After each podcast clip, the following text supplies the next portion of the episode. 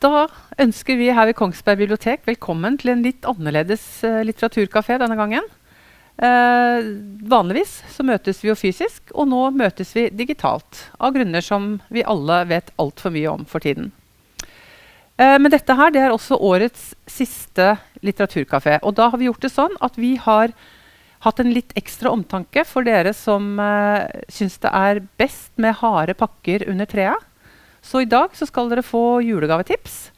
Eller rett og slett tips til hva dere har lyst til å komme hit til biblioteket og låne med dere for å lese i jula. Og vi som skal presentere bøker for dere her i dag, det er meg, Elisabeth Bergstrøm. Jeg er biblioteksjef her ved Kongsberg bibliotek. Og jeg heter Oda Cornelia Knutsen og er fagleder for barn og unge. Og som leser så er jeg bortimot altlesende. Og derfor får jeg av og til lov å være med på dette her sammen med Elisabeth, og det syns jeg er veldig moro. I dag skal vi innom mange ulike sjangre, fra barnebøker, krim, sakprosa og romaner. Eh, og nevne iallfall 20 ulike forfattere. De bøkene vi har valgt oss ut, er med få unntak å finne blant årets bøker, noe som betyr at de er tilgjengelige i bokhandel, på nett og naturligvis også her hos oss på biblioteket, som Elisabeth sa. Vi har forsøkt å gå litt utenom de bøkene som i aller høyeste grad selger seg sjøl. Eh, og vi vil presentere et knippe med godt utvalgte titler her i dag. Der variasjon og gode leseropplevelser står i sentrum. Her skal det være noe for enhver smak, slik at sjøl den vrangeste leser kan kunne finne noe som passer. Presentasjonen vår blir liggende ute i våre kanaler, så du kan se den i flere bolker, eller se den på nytt hvis du ønsker det. Og kan også i aller høyeste grad deles med flere litteraturelskende mennesker der ute. Så god fornøyelse, alle sammen. Da går vi i gang. Ja, Da er det du som skal starte, Oda. Ja. Og det er med et ganske stort, massivt verk som du går i gang med først. Ja, for det er jo faktisk ikke ei bok, men det er faktisk en trilogi. Nemlig trilogien om uh, Thomas Cromwell av Hilary Mantel. Siste boka er jo da utlånt, så jeg har jo bare en klein kopi her på ark. Men den siste boka heter da 'Speilet og lyset', og den kom nå i høst. Uh, og første bok, det var den her. 'Ulvetid'. Når en da har lest seg mellom alle disse bøkene, så har en pløyd gjennom 1948 sider med historisk roman. Det er ikke bare bare. Det er eh, også av ypperste klasse, dette her. Så det er virkelige kosebøker for lange høstkvelder og vinternetter, må jeg nesten si. Og juleferie. Ja, absolutt. Juleferie. En litt stillere jul enn vi kanskje er vant til òg. Ja, så da er det veldig fint med 2000 sider med bok. Ja. Siste side er lest, og boka er lokka. Egentlig ser jeg den ikke. Jeg sitter fremdeles ved skrivebordet mitt på Austin Friars, London. Det er en sein kveld i juli, året er 1535, og mitt navn er Thomas Crumble. Foran meg står en ung gutt jeg har tatt til meg for lenge sida. Han er nesten som sønnen min å regne nå. Han heter Rafe, og han er hardtarbeidende. Han er nygift, og han sier at han er lykkelig. Er jeg lykkelig? Jeg? Har jeg rett til det? Jeg som er ansvarlig for så mange menneskers død i kongens navn, og som har fått kongen til å bryte med paven? Jeg som har mista både kone og døtre til feberen. Er jeg lykkelig? Kan jeg? Det er ikke egentlig Thomas Cromwell som tenker det her. Det er ikke engang Hilary Mantle som har skrevet det. Men jeg liker å forestille meg at det kunne vært akkurat sånn. Eh, Cromwell han kunne tenkt dette, for han tenker hele tida. Han ligger våken om nettene og tenker. Han noterer, han går over regnskapene, han svarer på brev, han grubler. Det er eh, rikets affærer hele tida.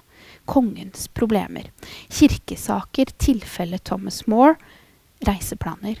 Kart, taktikker, juss, økonomi. Bare av og til tar han seg tid til å kjenne litt etter, bitte litt, før han går i gang med noe på nytt. Mantle skriver aldri rett ut om Thomas Cromwell er lykkelig eller ikke, men det ligger hele tida der i teksten. Det ligger i skildringene. På kort tid jobber han seg opp og blir en av Englands mektigste og rikeste menn. Han er intelligent og smart og har en fenomenal evne til å skaffe seg oversikt.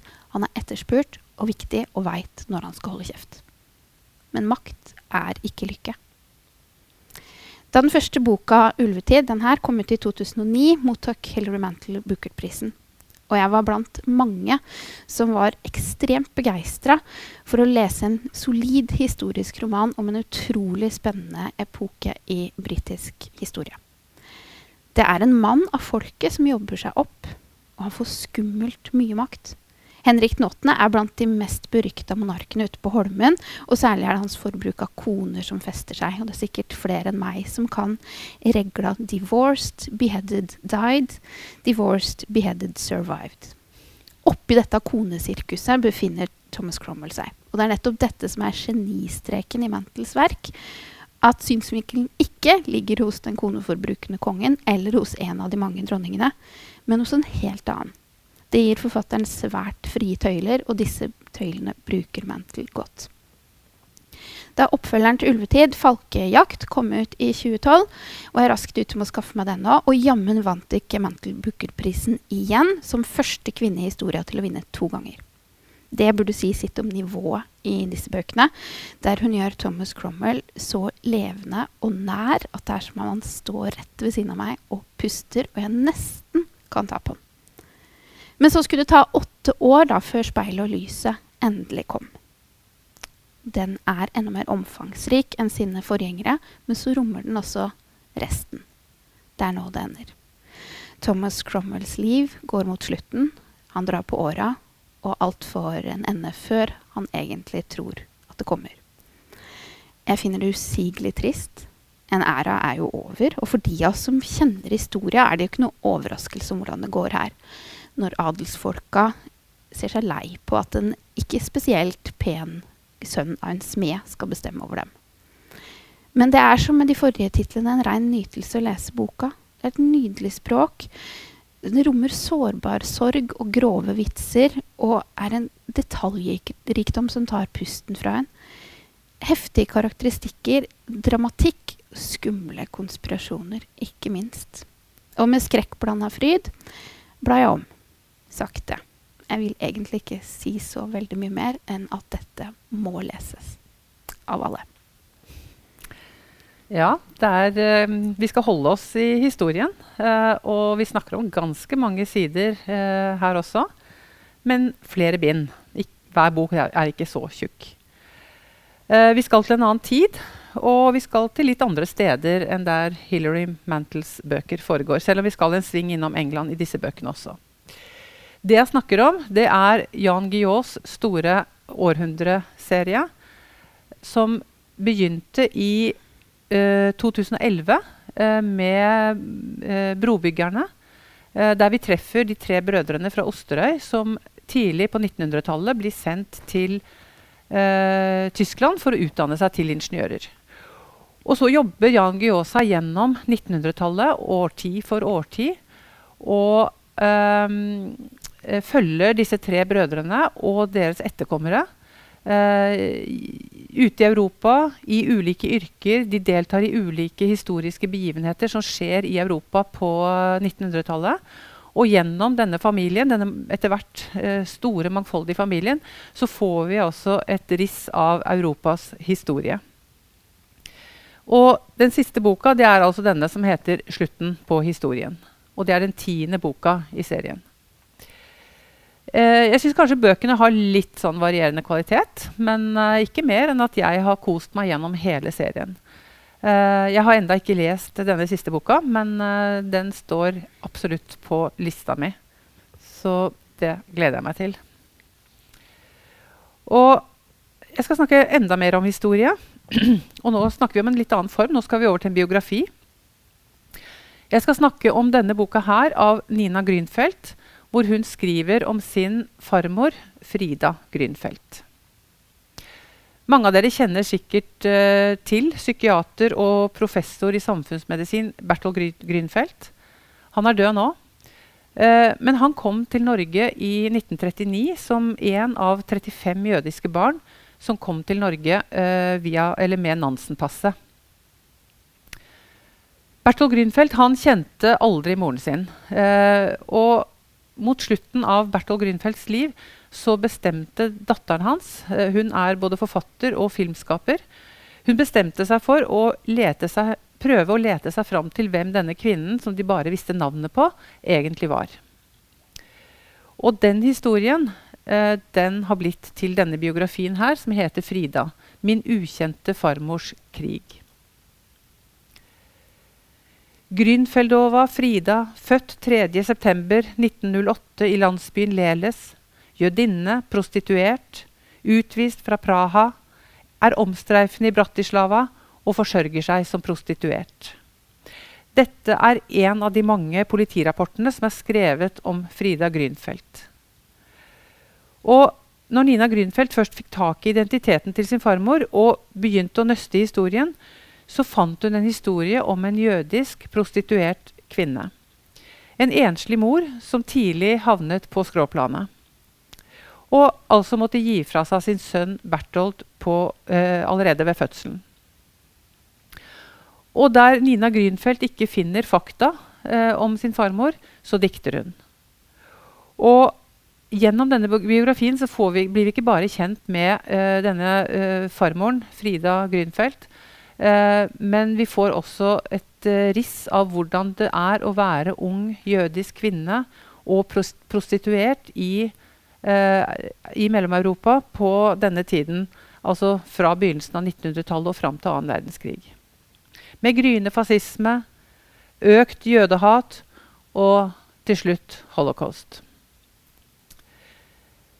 Denne boka den er ikke bare historien om Frida. Den, uh, den er utstyrt med noen grå uh, sider innimellom. Uh, hvor, og, og, de sidene det er dialogen mellom, og, nei, mellom, Nina og faren Berthold. hvor de snakker om det de finner. De, vi, vi, vi, får møte Berthold Grünfelds ambivalens i forhold til det å, å måtte møte det han oppdager om sin mor.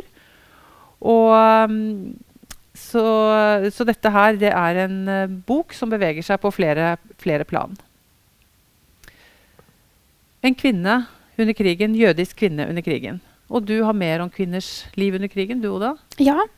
Vi skal holde på kvinneperspektivet ei eh, stund til. Eh, men her er det rett og slett motstandskvinner det er eh, snakk om. Og jeg må bare si at jeg syns det er så innmari på tide at ei slik bok kommer.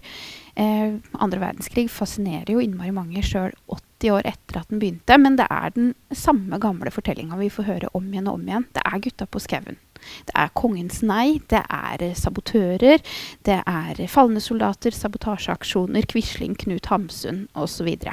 Men nå kommer det altså endelig ei bok som skildrer kvinners innsats under okkupasjonen. Og det er et kjærkomment skifte i perspektiv. Eh, boka jeg skal snakke om, det er jo den her. 'Norske kvinner i krig 1939-1945' av historiker Mari Jonassen. Kvinners bidrag eller eh, innsats her hjemme under andre verdenskrig er det ikke blitt skrevet så mye om. Og Jonassen hun eh, drøfter litt hvorfor det er slik. Eh, hun sier at forklaringa er veldig sammensatt. Mange kvinner valgte nok sjøl å tie om krigsinnsatsen sin, rett og slett fordi at det var mannfolk som skulle i krigen. Det er skambelagt å være ei kvinne som velger å gå vekk ifra hus og hjem og barn, og heller gjøre noe aktivt. Eh, og de blei ikke spurt, og de skrev ikke ned erfaringene sine heller. Og slik har mange generasjoner med erfaringer og informasjon forsvunnet fra oss. Kan hende det var traumer som også lå bak til at de ikke ville fortelle.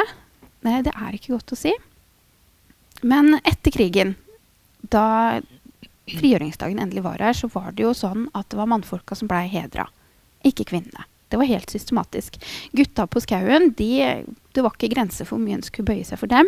Mens sjøl den kvinnelige Milorg-lederen Eva Jørgensen, som leda 1200 mann, hun fikk ikke engang lov til å være med i Milorg-paraden i Oslo i juni 1945. Kan du tro det? Det er fantastisk. Det er helt utrolig at det er sant. Ja, eh, årsaken var jo rett og slett at hun var kvinne. Deltakermedaljen fikk hun ikke før i 1988. og Da var hun 67 år gammel. Det var jo et liv siden at det, at det hadde skjedd.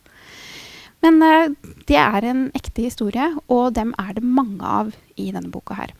Eh, Mari Jonassen hun er da, som jeg sa, historiker og sakprosaforfatter. Og hun har flere utgivelser bak seg før hun i år da kom med dette massive storverket. Det er på over 600 sider, og det er svært solid gjennomført.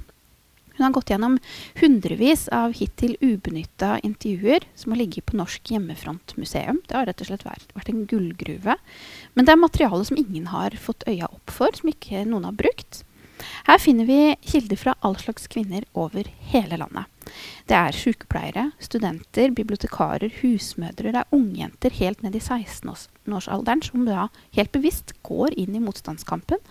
Det er kontordamer, bokhandlere, butikkdamer, det er lotter, krigsseilerkvinner og sanitetskvinner. De er koner, mødre og døtre.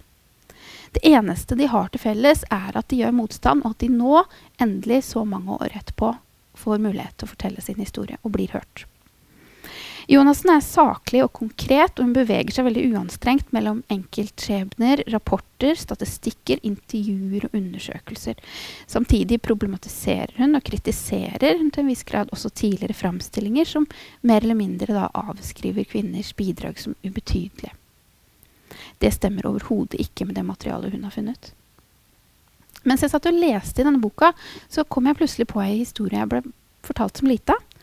Eh, Oldemora mi var i slutten av tenåra da, eh, da Norge ble okkupert, og hun bodde i Oslo sammen med resten av familien sin. Hun gikk da med illegale aviser, festa høyt oppe på hoftene under skjørt og kjole. Som lita så tenkte jeg ikke så veldig mye over det. Jeg så for meg oldemor som et slags postbud, bare med hemmelige brev. At det var med livet som innsats, det var jeg ikke klar over i det hele tatt. Og jeg tenkte ikke over det. Visste det ikke. Kanskje hadde hun også en blåsyreampull i lomma klar i tilfelle hun skulle bli tatt av tyskerne. Eller pistol i veska. Jeg veit ikke.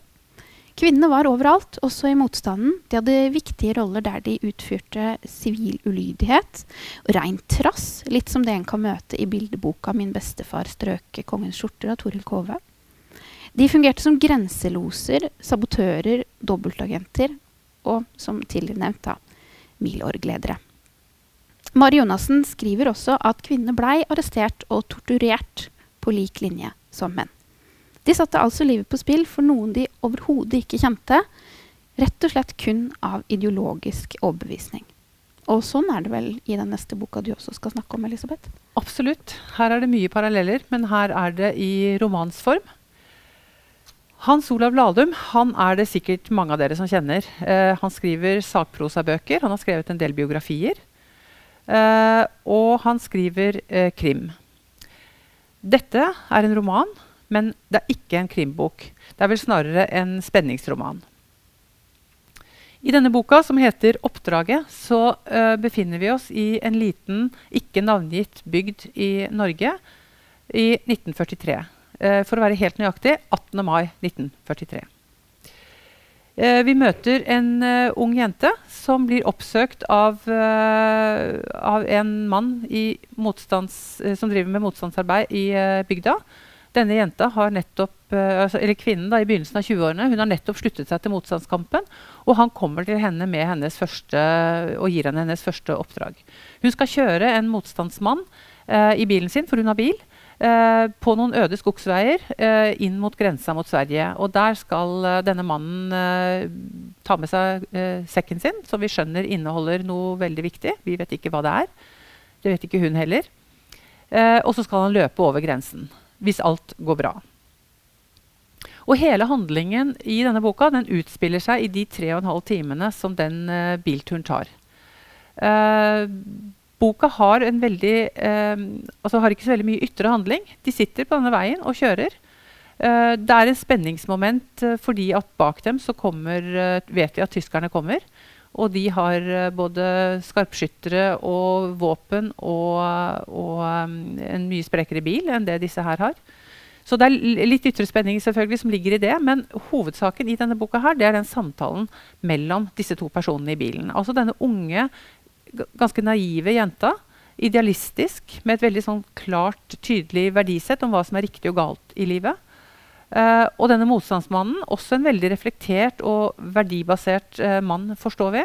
Men uh, livet har jo Altså disse krigsårene som motstandsmann har jo gjort noe Han har fått testet ut verdiene sine på en helt annen måte enn det hun har.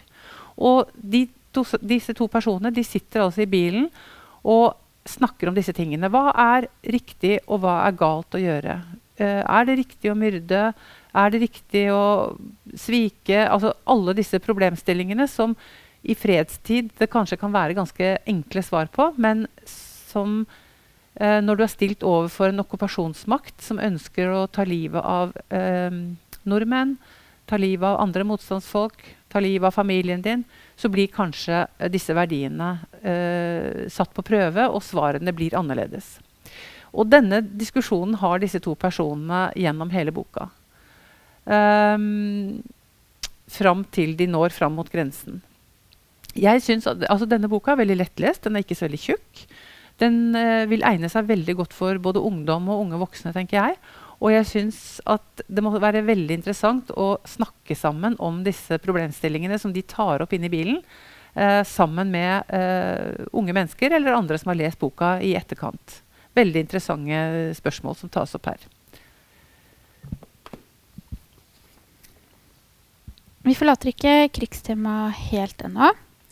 Nå skal vi til ei sakprosabok for barn og ungdom, eh, nemlig den her.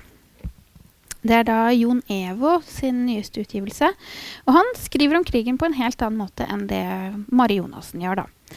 Han tar hovednedslaget sitt på to dager. Kun to dager. De to viktigste i krigshistoria. Nemlig datoen for okkupasjonen 9.4.1940 og frigjøringsdagen 8. mai 1945. Det er et innmari fint grep for å begrense historia og det som skal fortelles. Sånn at det ikke blir altfor mye for leseren. Eh, hver dag har fått sin bok, så den må faktisk da snus for at den skal kunne lese begge. Og han går da gjennom eh, time for time det som skjer. Han beveger seg ryddig over landet, eh, nevner de viktigste hendelsene, som f.eks. senkinga av Blücher.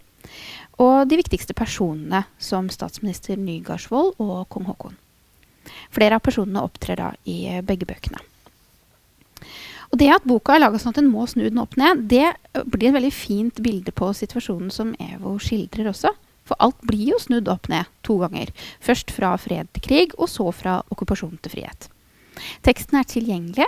Eh, det er mange korte setninger, og Evo har laga en god blanding av fakta og fiksjon. Altså fra velkjente historiske scener til scener der han lever seg inn i ulike situasjoner og tillegger personene tanker og følelser.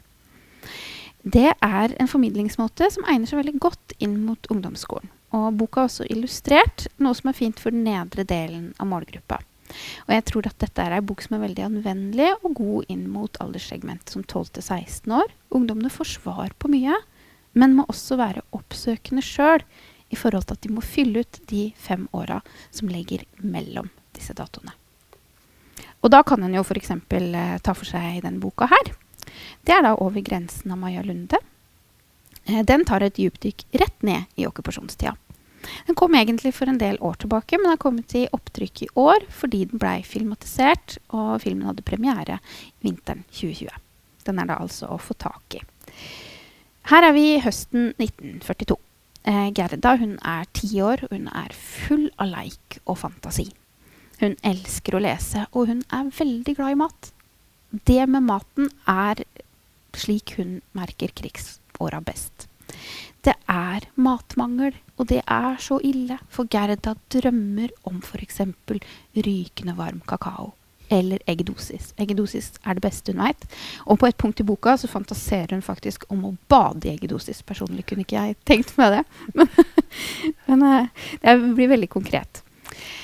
Jevnlig sjekker hun spiskammerset hjemme. Det som er litt ekkelt, er at hun ser at det minker. Det er jo ikke hun som får de eggene der. Og sukkeret. Og kakaoboksen er jo plutselig tom. Hva i all verden er det som skjer? Men det nærmer seg jo jul, så hun veit jo at de på noe tidspunkt vil få noe godt. Sånn klarer hun å holde motet oppe. Men mamma og pappa begynner jo å oppføre seg så underlig.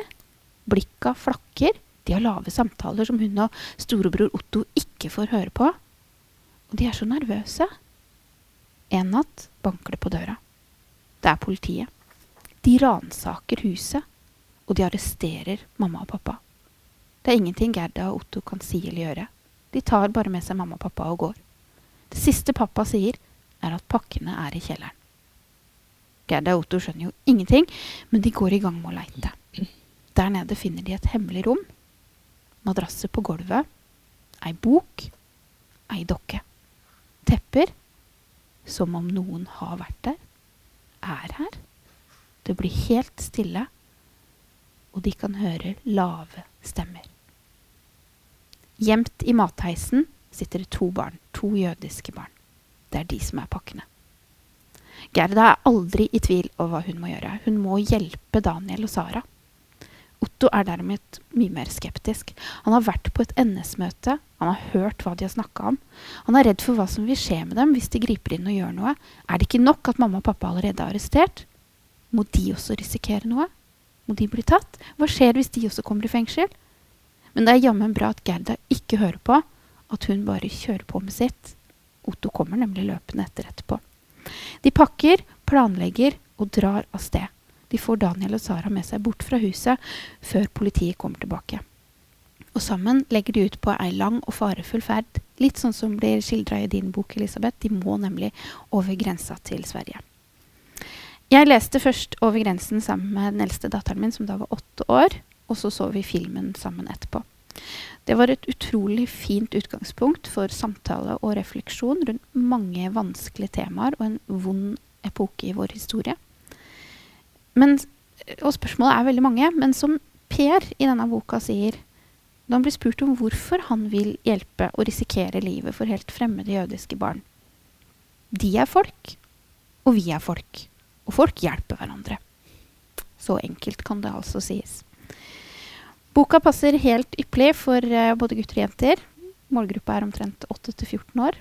Og det er ikke noe å lure på. Det er bare å kjøpe og lese. Og les gjerne sammen med ungene. Snakk om det og få svar på mye vanskelig. Og nei, kos dere, rett og slett. Men det er, litt, det er, litt, interessant. Nå har du snakket om to bøker som er kommet nå, enten i år eller helt nylig. Og jeg har snakket om denne oppdraget, som også kan ha mål, ungdom som målgruppe. Mm. Og det er 80 år siden krigen, siden annen verdenskrig brøt ut. Mm. Og det kommer altså bøker og filmer om dette temaet for barn og ungdom som jeg går ut fra fenger. Siden, ja, ellers så hadde de jo ikke kommet ut. Det er ja. ganske interessant. Det er det. Og det, jeg tenker at det er veldig viktig. Veldig flott. Veldig viktig. Ja, jeg er helt enig. Og det er noe med at eh, det er jo en så vesentlig del av vår nære historie. Mm. Eh, det begynner å bli veldig få som, eh, som, fortsatt lever, som kan huske dette, og som deltok. Kanskje det gir oss en trang til å klinge oss fast til det enda mm. mer, og mm. huske det. Fordi det er så viktig. Mm. Jeg vet ikke. Ja. Og så er det jo ikke bare historie. Det er jo ofte refleksjoner over ja. hva som er riktig og hva som er galt. Altså, Hva gjør man når man kommer i pressa situasjoner? Så det, det åpner det. veldig mange perspektiver. Men du har flere bøker, da? Ja. Vi er kanskje ikke helt ferdig med krig ennå. Vi skal bare endre sjanger, stil, historisk epoke og måter å krig på. og krig. ja. Debutanten eh, Odin Helgheim han eh, står bak den her. Den er jo allerede kjempepopulær, så det var ikke et eksemplar å oppdrive her hos oss. Men dette er da altså en um, tegneserie. Eh, serien heter Ragnarok, og boka heter Fenrisulven. Og debutanten Odin Helgheim han har jo da gjort rent bord så langt med denne boka. Og mottok Arks barnebokpris for 2020 for kort tid siden. Som vi kan høre av titlene Ragnarok og Fenrisulven, så er dette godt inspirert av norrøn mytologi. Og ragnarok er vikingenes begrep for verdens undergang, altså en skikkelig heftig krig. Og så åpner til og med serien med disse orda her. Det står skrevet i runene at Midgard skal drukne i flammer, men ikke før den fryktede Fenrisulven sluker allfaderen. Denne historien er begynnelsen på slutten. Og For å kunne begynne med slutten, da må vi jo tilbake til vikingtida. Sitatet fra boka til Helgheim er en intertekstuell referanse til de norrøne mytene. Og i Gylvaginning så skriver jo Snorre omtrent det samme, nemlig at Fenrisulven skal sluke Odin før den sjøl blir drept av Odins sønn Vidar. Om det er et frampek eller ikke, det veit ikke jeg. Men jeg veit at vi her med denne boka har et skikkelig vikingeventyr. Den unge gutten Ubbe han har alt han kan ønske seg. Han har ei sterk mor som er glad i han. Han har en storebror som hjelper han, og han har mange gode venner. Og de elsker å dra ut og leike og finne på ting sammen. Og, og lever nok litt i en sånn eventyrverden hvor de slåss og prøver seg, måler seg mot hverandre. Men så endres alt. For plutselig så hopper Fenrisulven inn over gjerdet. Han går til angrep Og Ubbe må plutselig bli voksen. Han må bli en ordentlig viking over natta. Mer vil jeg egentlig ikke avsløre om handlinga, fordi boka har så mange gode bilder som barna kan gå rett inn i. De bildene de snakker så sterkt på egen hånd at ungene kan bare la seg fascinere og trekke med inn i dette uten at en voksen skal hjelpe dem inn i verket på noe vis. Helgheim han tegner på data, og han er sjøllært, noe som er ganske imponerende når en ser detaljrikdommen i bildene hans. Han forteller også at han er inspirert av manga og den danske serieskaperen Peter Madsen, som også da har tatt for seg de norrøne mytene tidligere. Og dette kan en se både i stilen og i fargelegginga. Forlaget kaller dette her for en slags nordic manga, og satser nok veldig på at Helgheim og kollega Malin Falk vil skape en ny eh, bølge innen norske tegneserier med nettopp da vikingtematikk. Det er kanskje ikke det dummeste, for er det noe vi her på biblioteket har sett de siste åra, så er det at tegneserier øker og øker i popularitet, og barna virker nesten umettelige på gode historier og kule bilder. 'Fenrisulven' er eh, ei bok for alle barn som liker tegneserier. Og jeg tror den vil slå godt an både hos nordlyselskere og amuletten-entusiaster. Men samtidig så er den et veldig godt alternativ til de barna som ikke nødvendigvis liker så godt å lese. Fordi Fenrisulven har massevis av spenning som bare ligger der i bildene. Og trekker sjøl den mest motvillige leser med seg inn i fortellinga. Den passer veldig godt for både jenter og gutter, og aldersgruppa vil jeg anslå til omtrent 9-14 år. Og fra den så skal vi da altså over til noe helt annet, nemlig denne barneboka her. 'Den hvite hestens hemmelighet' av Maren Ørstavik. Her nok, møter vi nok en debutant. Eh, det er Maren Ørstaviks første barneroman.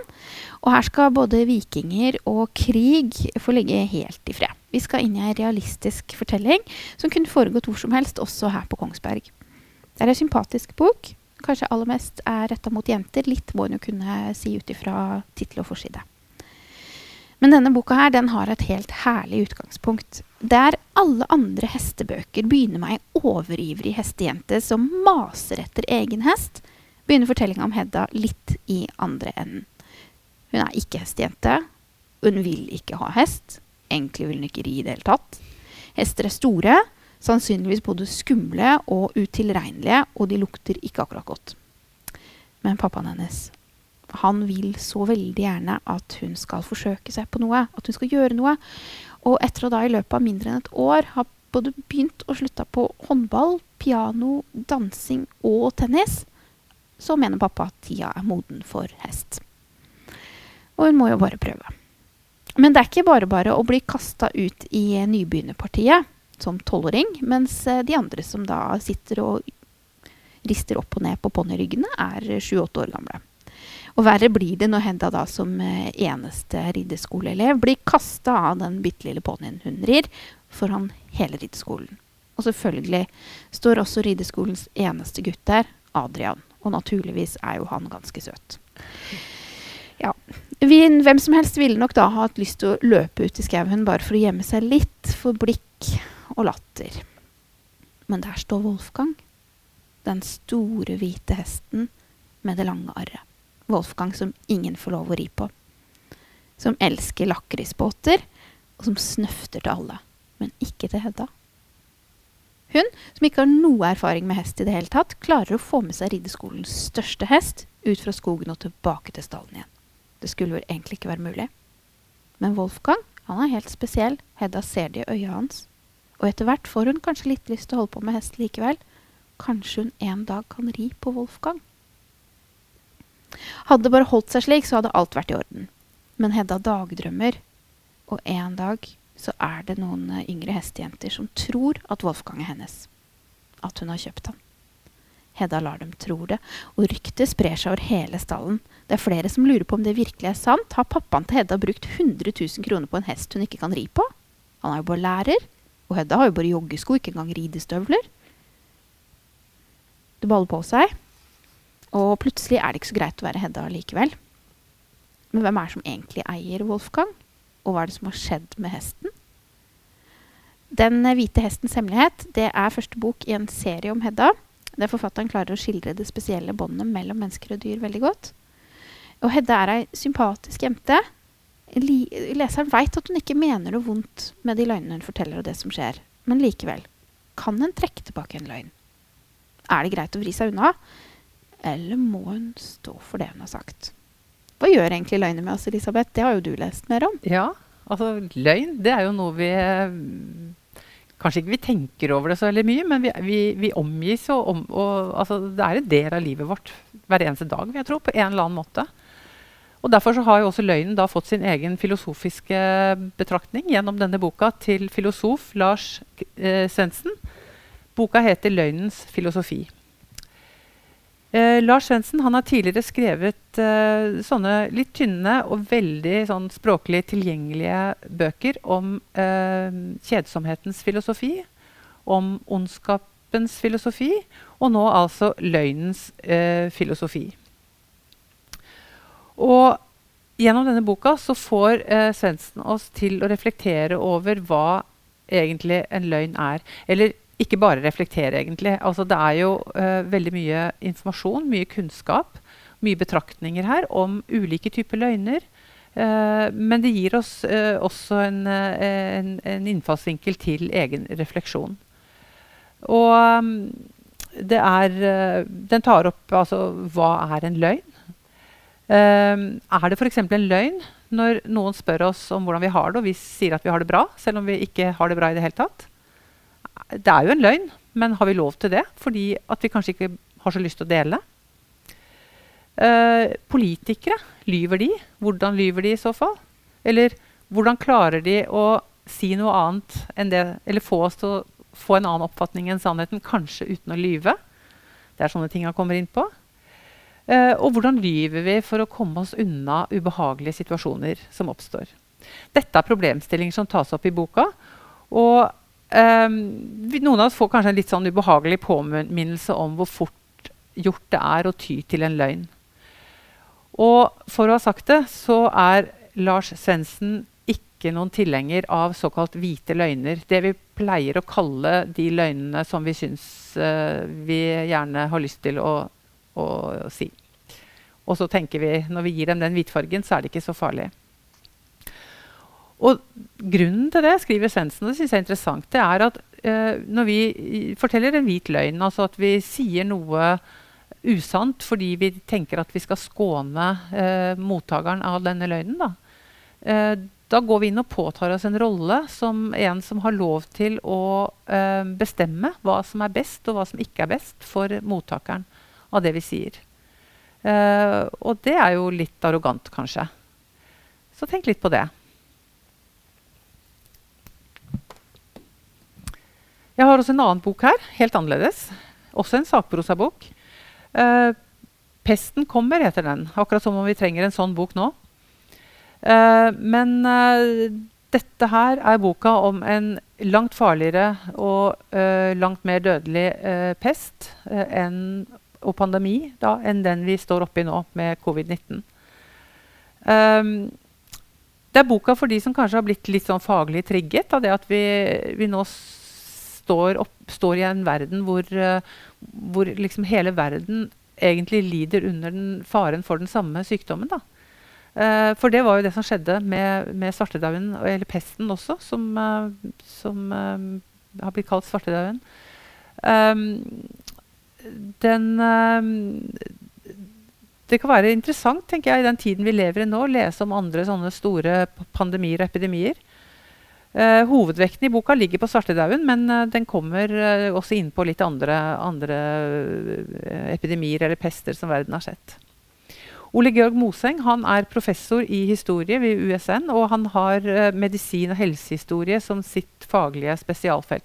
Så dette her er skikkelig faglig, faglig stoff. Svartedauden og, og covid-19 og andre smittsomme sykdommer og pandemier, eh, de har jo blitt spredt fordi at vi mennesker forflytter oss. Eh, og nå forhindrer jo koronaepidemien oss i å forflytte oss noe særlig. Eh, så vi får ikke reist så mye som vi gjorde før. Fordi vi nettopp ikke skal spre denne smitten mer enn nødvendig. Men reise i bøker, det kan vi. Ikke ja, absolutt. Det kan vi. F.eks. i denne boka her, 'Høyt', av eh, Erika Fatland. Eh, sosialantropolog og sakprosaforfatter Erika Fatland må være en av de mest eh, uredde kvinnene jeg noensinne har vært borti. Jeg har fulgt henne over mange år gjennom reportasjer i ukeavisa Dag og Tid, der hun har skrevet reportasjer og reisebrev da, fra de mest øde og avsidesliggende krigsherja og konfliktramma steder fra store deler av verden. Hun reiser til steder jeg aldri ville drømt om å dra til. Faktisk ville jeg gladelig betalt for å slippe unna.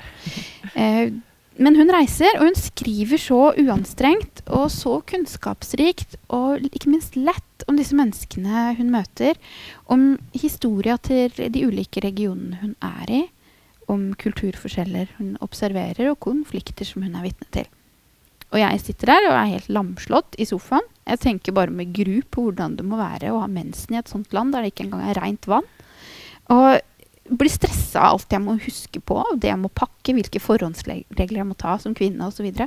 Men Fatland hun er overhodet ikke affisert av det i det hele tatt. Hun bare reiser og skriver. Mange har kanskje lest den forrige boka hennes, 'Grensen', som kom i 2017. Eh, der hadde hun et prosjekt hvor hun reiste langs hele den russiske grensa og skrev om det hun opplevde. Nå har hun gjort noe av det samme med utgangspunkt i det enorme fjellmassivet Himalaya. Eh, hun reiste der til sammen i åtte måneder i 2018 og 2019. Det er veldig mange land som møtes der, men som hun påpeker, eh, det at det er forskjellige land, det har nødvendigvis ikke så mye å si, fordi i hver eneste dal, og det er ekstremt mange daler, så er det nytt språk, ny kultur og ny folkedrakt. Og det er et vanvittig kulturelt mangfold som hun da møter, eh, og som hun skildrer for oss som leser. Det er fra rene matrilinære kulturer til steder der kvinner ikke får lov til å gå ut av huset. Eh, fra nakendansfestival i Bhutan, en, enda en ting jeg godt kan unnvære, eh, til bloddryppende sjamanritualer. Det trenger jeg heller ikke å være med på, kjenner jeg. Men det eneste fellestrekket for alle de menneskene vi møter i boka hennes, det er at de bor høyt. Fatland sier sjøl at det er menneskemøtene som er interessante, og som driver boka framover, mens forlaget påpeker at hun nå med denne boka fornyer det de kaller eh, oppdagelseslitteratursjangeren. Kanskje hun nettopp har klart dette fordi hun er kvinne? Eh, som kvinne har hun nemlig sluppet til der hvor menn ikke har fått lov til å slippe til. F.eks. inn i den enkelte familie. Og hun har fått mulighet til å snakke med kvinner omtrent overalt hvor hun har vært. Og det har ikke menn fått lov til i like stor grad når de da har reist i f.eks. Himalaya og skrevet om det. Slik får du et unikt blikk inn i kvinnelivet i alle disse kulturene. Høyt må sies å være gaven til den som har alt, til den som elsker å reise, men som ikke kan gjøre det nå, og til drømmeren. For med høyt så kan vi drømme oss bort til fjerne land, underfundige hendelser, spennende mennesker og veldig snåle kulturelle skikker. Sjøl om jeg personlig mer enn gjerne eh, tar til takke med lesinga og blir hjemme, også etter at koronapandemien er over, tror jeg. Tar heller en tur til Dyreparken i Kristiansand. Visste du at de har insekter der også, Elisabeth? F.eks. pinnedyr? Ja.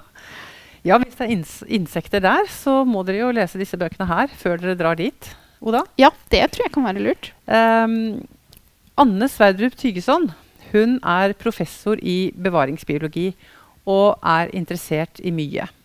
Spesielt av insekter. Og helt spesielt av hvor viktig insektene er for livet til oss mennesker. For at vi i det hele tatt skal kunne leve på denne jorda. Og Anne Sverdrup Tygeson hun fikk veldig mye oppmerksomhet i 2018 for denne boka, som heter 'Insektenes hemmelige liv'. Den uh, boka handler uh, kun om insekter og er både morsom og lærerik. Og så har hun altså da i år kommet med en ny bok, og der tar hun, uh, tar hun det litt videre. Boka heter 'På naturens skuldre'. Og uh, der viser hun oss hvor avhengig, vi hvor avhengig vi mennesker er av hele det store artsmangfoldet, både planter og dyr og økosystemer på jorda, for at vi skal kunne overleve. Uh, Undertittelen på denne boka er 'Hvordan ti millioner arter redder livet ditt'. Og vi mennesker vi er jo bare én art på denne jorda. Så vi trenger altså hjelp fra disse her 9,999 et eller annet eh, millioner andre artene for å kunne klare å reparere og fortsette livet vårt på eh, denne kloden, som vi mennesker faktisk eh, må innrømme at vi er i ferd med å ødelegge. Nå kan jo dette her høres ut som en dystopisk bok om verdens undergang, men det er det absolutt ikke. Her øser Anne Sverdrup Tygson av sin kunnskap om dyr og natur, og alle de mulighetene som vi finner i de ressursene, bare vi klarer å ta vare på dem. Og hun har en så genuin, eh, dyptborende glede og opptatthet av disse dyrene, og at, eh, at hun, hun, leker seg gjennom eh, stoffet. Hun er utrolig morsom og humoristisk. Bare hør på disse eh, kapitteltitlene. Hvis du blir hva du spiser, så er du vandrende gress, er et av kapitlene. Eller verdens viktigste summetone. Det, er, det kapitlet handler om bier. Eller når ungene får deg til å spy. Eh, det kapitlet handler om en frosk i Australia som svelger sine befruktede egg, bruker magen som livmor, og så spyr de ferdige froskebarn ut etter seks til syv uker. Høres veldig spesielt ut, men det er jo ikke så forskjellig av det vi mennesker gjør. Da, bare selv om vi bruker litt andre kanaler. Uh, men sånn leker hun seg gjennom uh, stoffet. Og jeg tenker at Med en sånn lekenhet, som hun også forteller at hun har hatt helt fra hun var ganske liten, så tenker jeg at dette må jo være midt i blinken som barnebok. Det er forresten et kapittel her som heter 'Lille larven aldri mett' også. Ja, det er, eh, det er midt i blinken. Og heldigvis har hun jo skrevet den barneboka òg. Mm. Det er nemlig den her fra 2019, 'Insektenes hemmeligheter'. Og, og den er litt sånn basert på denne Insektenes ja, planet? den er det. Ja. Det, det, er, det, er, barneutgaven. barneutgaven ja. måte, ja. Mm. Så der kan rett og slett eh, foreldre og barn lese nesten samme bok, og så kan de snakke om alle disse morsomme insektene etterpå. For visste du at mygglarver puster med snorkel? Og at maur melker bladlus for å få sukkervann? Eh, det visste ikke jeg, i hvert fall. Det fins eh, larver som dreper andre insekter ved å prompe på dem. Det fins biller som blinker og det fins eh, biller som har en giftkanon i rumpa, bare for å nevne noe. Og lurer du på hvorfor disse hersens fluene alltid skal sette seg midt i maten din? Ja, det er jo sjølsagt fordi de har tunger under beina, så de må tråkke litt rundt for å smake ordentlig. Jeg er veldig glad for at vi mennesker ikke er sånn. Egentlig er jeg veldig glad for at ikke vi er som skumsikader heller. For tenk deg det. Et sånt bitte lite insekt som kan hoppe 400 ganger så høyt som sin egen kroppslengde. Hadde det vært vi mennesker, så hadde vi fint kunne hoppa like høyt som Eiffeltårnet.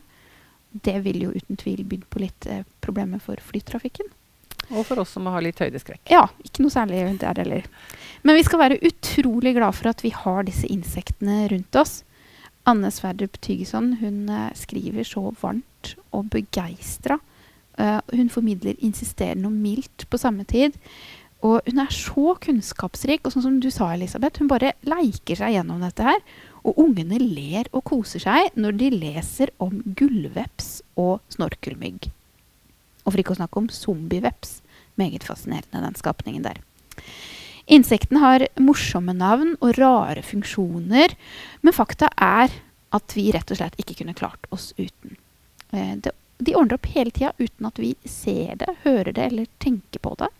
Ta f.eks. sjokolade, noe som mange av oss sikkert spiser innimellom. Visste du at det er en bitte liten mygg som hjelper kakaoblomsten så den kan lage frø? Det er i sin tur disse frøa som blir til sjokolade. Så får vi bare holde ut med et myggstykke ny og ne, da, tenker jeg. Og den, eh, det syns jeg dere kan gjøre òg. Boka er helt ypperlig for alle vitebegjærlige småfolk mellom 8 og 12 år. Sånn kan det bli når en professor leker seg. Da kan det ja. bli mye faktabasert moro. Det er veldig gøy. Og nå skal vi da videre fra insekter. Og vi skal beholde litt dyr, men uh, det er likevel noe helt annet. Dette her Det er kanskje litt vanskelig å se den, for det er ikke verdens tydeligste forside. Men her står det da 'Gutten, muldvarpen, reven og hesten'. Og det er da ei bok skrevet av Charlie McKissy. Det er hans debut, og det var faktisk en kollega her på biblioteket som tipsa meg om den. Hun sa denne må vi ha på barn. Den må vi ha på ung. Eh, den må vi egentlig ha overalt, for den er for alle. Og jeg kikka på den, og jeg fant ut at jeg var helt enig. Det eneste stedet den boka her ikke kan stå, det er der vi har lesestartbøker for skolebarna. For den kalligrafilignende skrifttypen som er på forsida, den er også inni hele boka. Så det er eh, litt sånn dårlig eh, lesestart. Eh, det hele begynte som enkle innlegg på Instagram for en stund tilbake. Og derfra så utvikla det seg rett og slett til et bokprosjekt. Eh, han, forfatteren han er sjøl litt forundra over at det blei bok, for han har aldri vært glad i å lese. Han har alltid trengt bilder, og det får vi heldigvis mye av i denne boka her. Vi møter fire venner. En ensom gutt, en muldvarp som er veldig glad i kake, en forsiktig rev og en klok hest. De er på vei eh, hjem sammen gjennom et naturlandskap der eh, været skifter. Eh, underveis snakker de med hverandre, og det er i samspillet mellom dem og i disse replikkene og de nydelige pennetegningene og akvarellene til forfatteren at magien i boka virkelig skinner igjennom. Her får vi enkel livsvisdom i beste Ole Brumm-stil til alle som har savna det. Det er sårbart, og det er vondt, og det er litt morsomt, og det er veldig, veldig trøstende. Jeg har tenkt å lese noen sitater for å gi dere en liten følelse av stemninga i boka. Den første gutten møter, er muldvarpen. Jeg er så liten, sa muldvarpen. Ja, sa gutten, men du trenger ikke å være stor for å være viktig. Svanene ser så perfekte og rolige ut sammen, sa gutten. Ja, men de padler hektisk under overflaten, sa hesten. Den største illusjonen, sa muldvarpen, er at livet skal være perfekt. Og her har forfatteren tilført nederst på boksida Beklager alle flekkene. Hunden min gikk over tegningene, tydeligvis for å understreke poenget. Du, spør gutten, hva er det modigste du noen gang har sagt? Hjelp, svarte hesten. Jeg tenker at dette er ei bok for uh, kanskje særlig besteforeldre som har tid til å sette seg ned med barnebarna. Ta dem på fanget og lese. Uh, gå litt på oppdagelsesferd i bildene og undre seg sammen med barna uh, over det som sies og gjøres. Og slik skape minner som alltid vil huskes, både pga. boka og og situasjonen. Leseropplevelseshelheten, rett og slett. Og hovedbudskapet, at du er bra nok som du er, det passer perfekt til alle aldre. Akkurat som boka. Og da ja. skal vi vel videre. Skal videre. Oda sa i starten at uh, vi har styrt unna de bøkene som har vært mest omtalt i media. Og det er jo fordi at vi tenker at de fanger dere opp likevel. Men vi klarer jo ikke helt å dy oss, da. Uh, fordi at jeg har lyst til å trekke fram noen, noen få titler. Fordi at de i sin, i sin, store forskjellighet så handler de om noe av det samme. altså dette her om hvor vanskelig det er å være en familie. Og hva som skjer i en familie når eh, maktforholdene i familien eh, endres. At eh, en person som kanskje har vært en veldig sånn, trygg og, og praktisk eh, person å forholde seg til, får en alvorlig sykdom f.eks. Eh, eller eh, hva, hva, som skjer når det oppstår konflikter i den lille, tette kjernefamilien. Sånne tilstander er, det, er veldig godt romanstoff, og det er jo veldig mange forfattere som skriver om det. Og i år har det også kommet uh, flere uh, av, den type bøker som tar opp dette temaet på hver sin måte. På veldig forskjellige måter. Og jeg skal bare nevne fire stykker i all hast her som, uh, som jeg har lest. Og så fins det en hel haug med andre der ute. Den ene det er Helga Flatlands bok 'Et liv forbi'.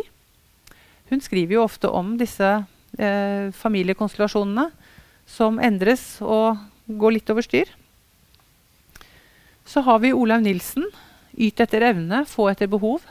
Her er det snakk om en uh, storfamilie uh, som har et funksjonshemmet barn.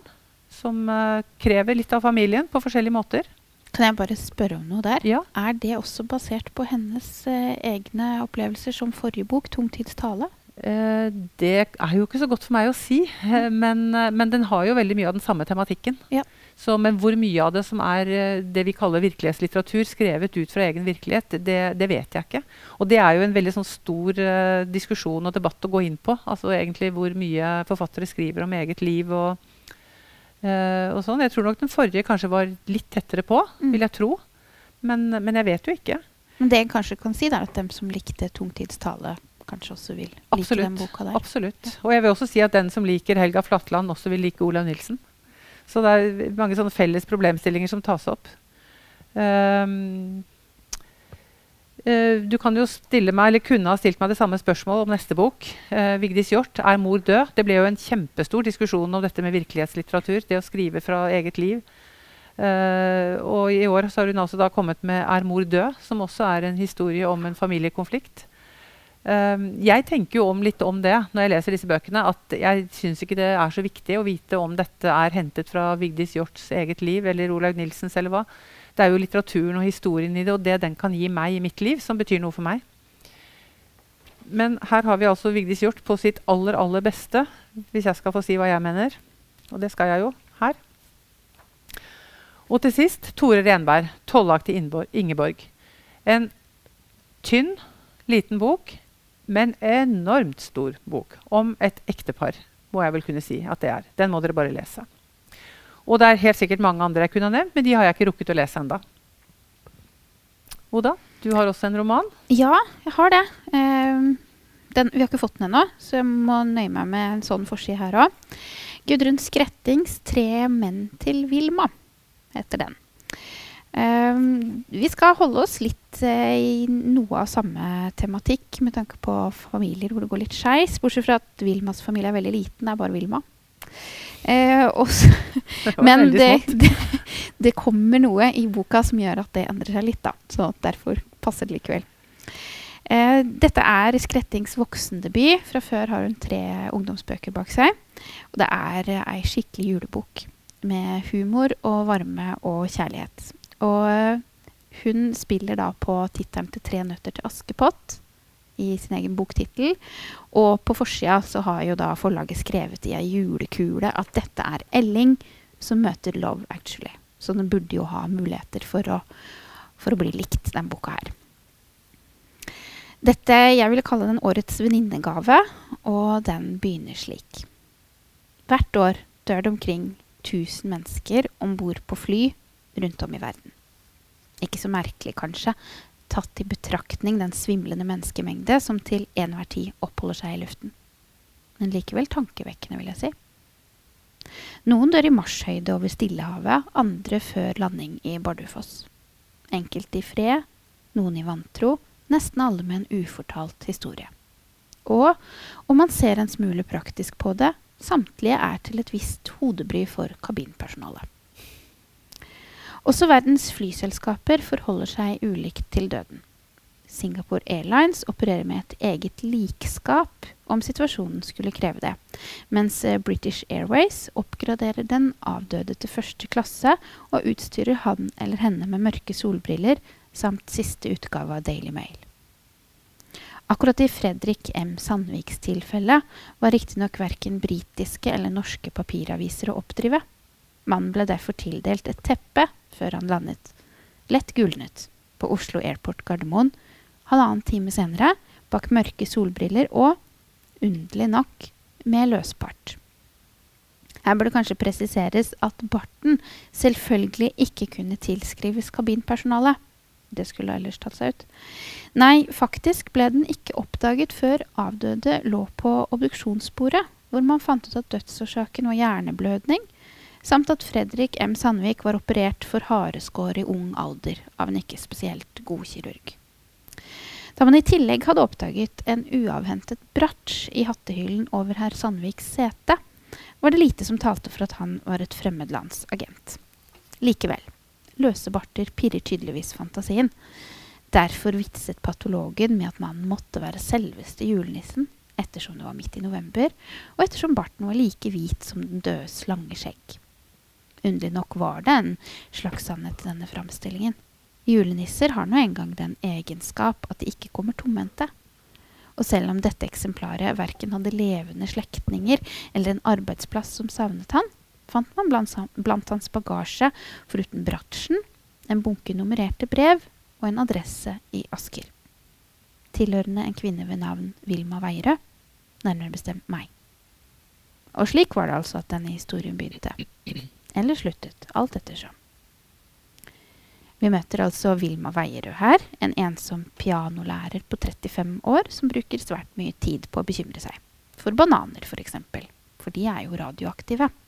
Hun har lest at hvis hun spiser 1000 bananer, så forkortes livet hennes med en milliontedel. Og Vilma er aller mest redd for døden. Men en dag så står det to menn på døra, og de jobber begge med det hun frykter mest. Det er en prest og en patolog. Og de forteller henne at faren hennes er død. En far hun aldri har kjent. Han har etterlatt seg en bunke med brev som er adressert til henne, og disse bruker Vilma som en slags julekalender. Og med det så skal det være duka for både julestemning, musikk, alvor og komikk, vemodighet og framtidshåp. Med en patolog med verbale tics som inviterer seg hjem i huset til denne Vilma kanskje litt for ofte. Gudrun Skretting, jeg skal si litt til om henne. Fordi hun har som jeg sa, da, skrevet tre ungdomsbøker også. Nå har vi ikke alle tre inne, bare to av dem. Men uh, disse tre ungdomsromanene kom ut da i 2016, 2017 og 2018. Og det er denne, 'Anton og andre uhell', som var den første. Hun fikk Kulturdepartementets barnebok, nei, debutantpris unnskyld, for den boka. Det er noen av de morsomste bøkene jeg har lest uh, de seinere åra. Eh, de kjennetegnes av en eh, lun og varm humor, veldig gjenkjennelige situasjoner og et skrått blikk som virkelig tar det vanskelige hormonelle og svært svingende tenåringslivet på kornet. Eh, bøkene er eksistensielle i tematikken og handler om å finne seg sjøl. Finne ut hvem en vil være, og det å skulle passe inn i ei større gruppe. I den første boka så er det da hovedpersonen Anton Eh, da går han siste året på barneskolen. Det er helt på slutten, før sommerferien. Og i neste bok, da 'Anton og andre flokkdyr', så begynner han på ungdomsskolen. Og det er ikke bare bare når en klarer å fornærme læreren allerede i første time, f.eks. Eh, det er realistisk og nært, og blir sånn en ganske stor kontrast mot mye av det som jeg kaller en slags problemlitteratur, som det er veldig mye av for ungdom, der hovedpersonen graves ned i ett eller flere problemer, og alt blir destruktivt og mørkt og vanskelig heller enn løsningsorientert og optimistisk. Og det er jo ikke til å legge skjul på at det er mange problemer der ute som en i ungdomstida kan um, fokusere mye på, og det trenger oppmerksomhet. Men jeg er så glad for at disse bøkene om Anton fins, fordi de er en nødvendig motvekt. Og ikke for det, han har det jo problematisk nok, han. Pappaen hans forteller faktisk rett ut at han er et resultat av en rift i gummien. Altså at han ble skapt på slump. Det var et skikkelig uhell at han ble født. Det utløser en aldri så liten eksistensiell krise for Anton. Eh, I tillegg til det så er han den laveste gutten på skolen, og samtidig den med desidert størst ører. Det er ikke en heldig kombinasjon. Eh, og enda verre blir det da pga. pappa igjen. Pappa kunne ikke hatt et normalt yrke. Ikke advokat eller butikkeier. Nei da, ikke noe sånt. Takk, tenker Anton. Eh, pappa er dessverre en ukuelig, veldig stolt, usjenert og svært entusiastisk forhandler av hyttedasser. Innmari fint. Ja, en hyttedassforhandler med vissen hestehale som svir Grandiosaen. Er veldig dårlig på å vaske klær, som sjelden husker å betale strømregninga, som aller helst vil bo langt inn i skauen og strikke kjempelange skjerf. Nei, bestevennen til Anton, Ine, hun har rett når hun sier at pappaen hans ikke er særlig sexy. Det er bare å innrømme det. Og ikke har han hatt noe kjæreste heller siden mammaen til Anton døde. Det er kanskje på tide at Anton og Ine gjør noe med den saken. Og slik ruller da historia i gang. Det er ubetalelige scener. Masse humor og varme. Masse glede. Og jeg setter så pris på at Skretting evner å ikke drite ut de menneskene hun skriver om. Er, alt er kjærlig, og hun får på en følelse at det er trygt, sjøl om det virkelig stormer. Og jeg ville kanskje ikke brukt ordet trygt når jeg henger med rumpa ut av et bitte lite baderomsvindu om å bli redda av brannvesenet. Men ja, sånne situasjoner oppleves til og med som trygge. Det er en herlig gjeng vi blir kjent med. Ungdommer altså, 12-16 år sånn omtrent både gutter og jenter. Det er bare å lese og kose dere. Og etterpå så vil jeg anbefale at alle dere foreldre låner boka og leser dere òg. Nå begynner vi å nærme oss slutten her, altså, men vi, vi, må jo ha med en krimbok. Og eh, jeg har valgt meg en litt annerledes eh, krimbok enn det hvert fall jeg vanligvis leser, og det som vi vanligvis finner i hyllene òg, for så vidt. Denne boka her, den er eh, fra Nigeria. Den er skrevet av en ung britisk-nigeriansk kvinne, og Yinkan Braithwaite. Og den heter 'Min søster er en seriemorder'. Så allerede i tittelen får vi altså vite hvem morderen er, og at hun ikke bare har drept én gang. Så det er ikke der spenningen i denne boka ligger. Dette er historien om uh, vakre Ayola som dreper sine elskere én etter én. Og om søsteren Korede, ikke fullt så vakker, uh, som kommer til åstedet etterpå og vasker, ordner, desinfiserer og kvitter seg med liket. Så spenningen i denne boka den ligger helt andre steder. Den, eh, den, handler om hvem blir den neste. Blir det en neste? Klarer Korede å avverge det, at det blir en neste? Og ikke minst, hva skjer når vakre Ayola kaster sine tunge, til tunge blikk på den mannen som Korede er avstandsforelsket i, men ikke helt tør å nærme seg? Og ikke får så veldig mye respons fra heller, det må jo sies. Og så er det jo det største spørsmålet av dem alle. Hvorfor i all verden påtar eh, ansvarlige storesøster Korede seg denne oppgaven å ordne opp med alle likene etter eh, Ayola? Igjen og igjen. Den underliggende historien bak disse hendelsene da, i boka, altså årsaken, den avdekkes litt etter litt utover i boka. Og det er vel kanskje det som er, eh, som er spenningen i boka også. Det gjøres på elegant vis og uten at det blir altfor tydelig. Og best av alt, til tross for et litt sånn makabert utgangspunkt, boka er full av humrende humor og sjarme. Ja, for en bok om en seriemorder kan faktisk være både humoristisk og sjarmerende. Bare les, så ser dere dere òg. Denne her bare må dere lese. Så nå har vi egentlig vært gjennom det vi hadde tenkt å presentere. Jeg har bare lyst til, Oda, eh, Skulle vi nå til slutt eh, holde opp eh, favorittboka vår, hvis vi klarer det, å velge én bok som er favoritt? Det kan vi godt gjøre. Vi det? Ja, absolutt. Si? Um, skal vi se her. Jeg må bare finne riktig lapp. Finne ja. ja. Det må jeg rett og slett. Én, to, tre. Sånn blir det, da. Ja, men altså Det er lov å gjøre det litt sånn.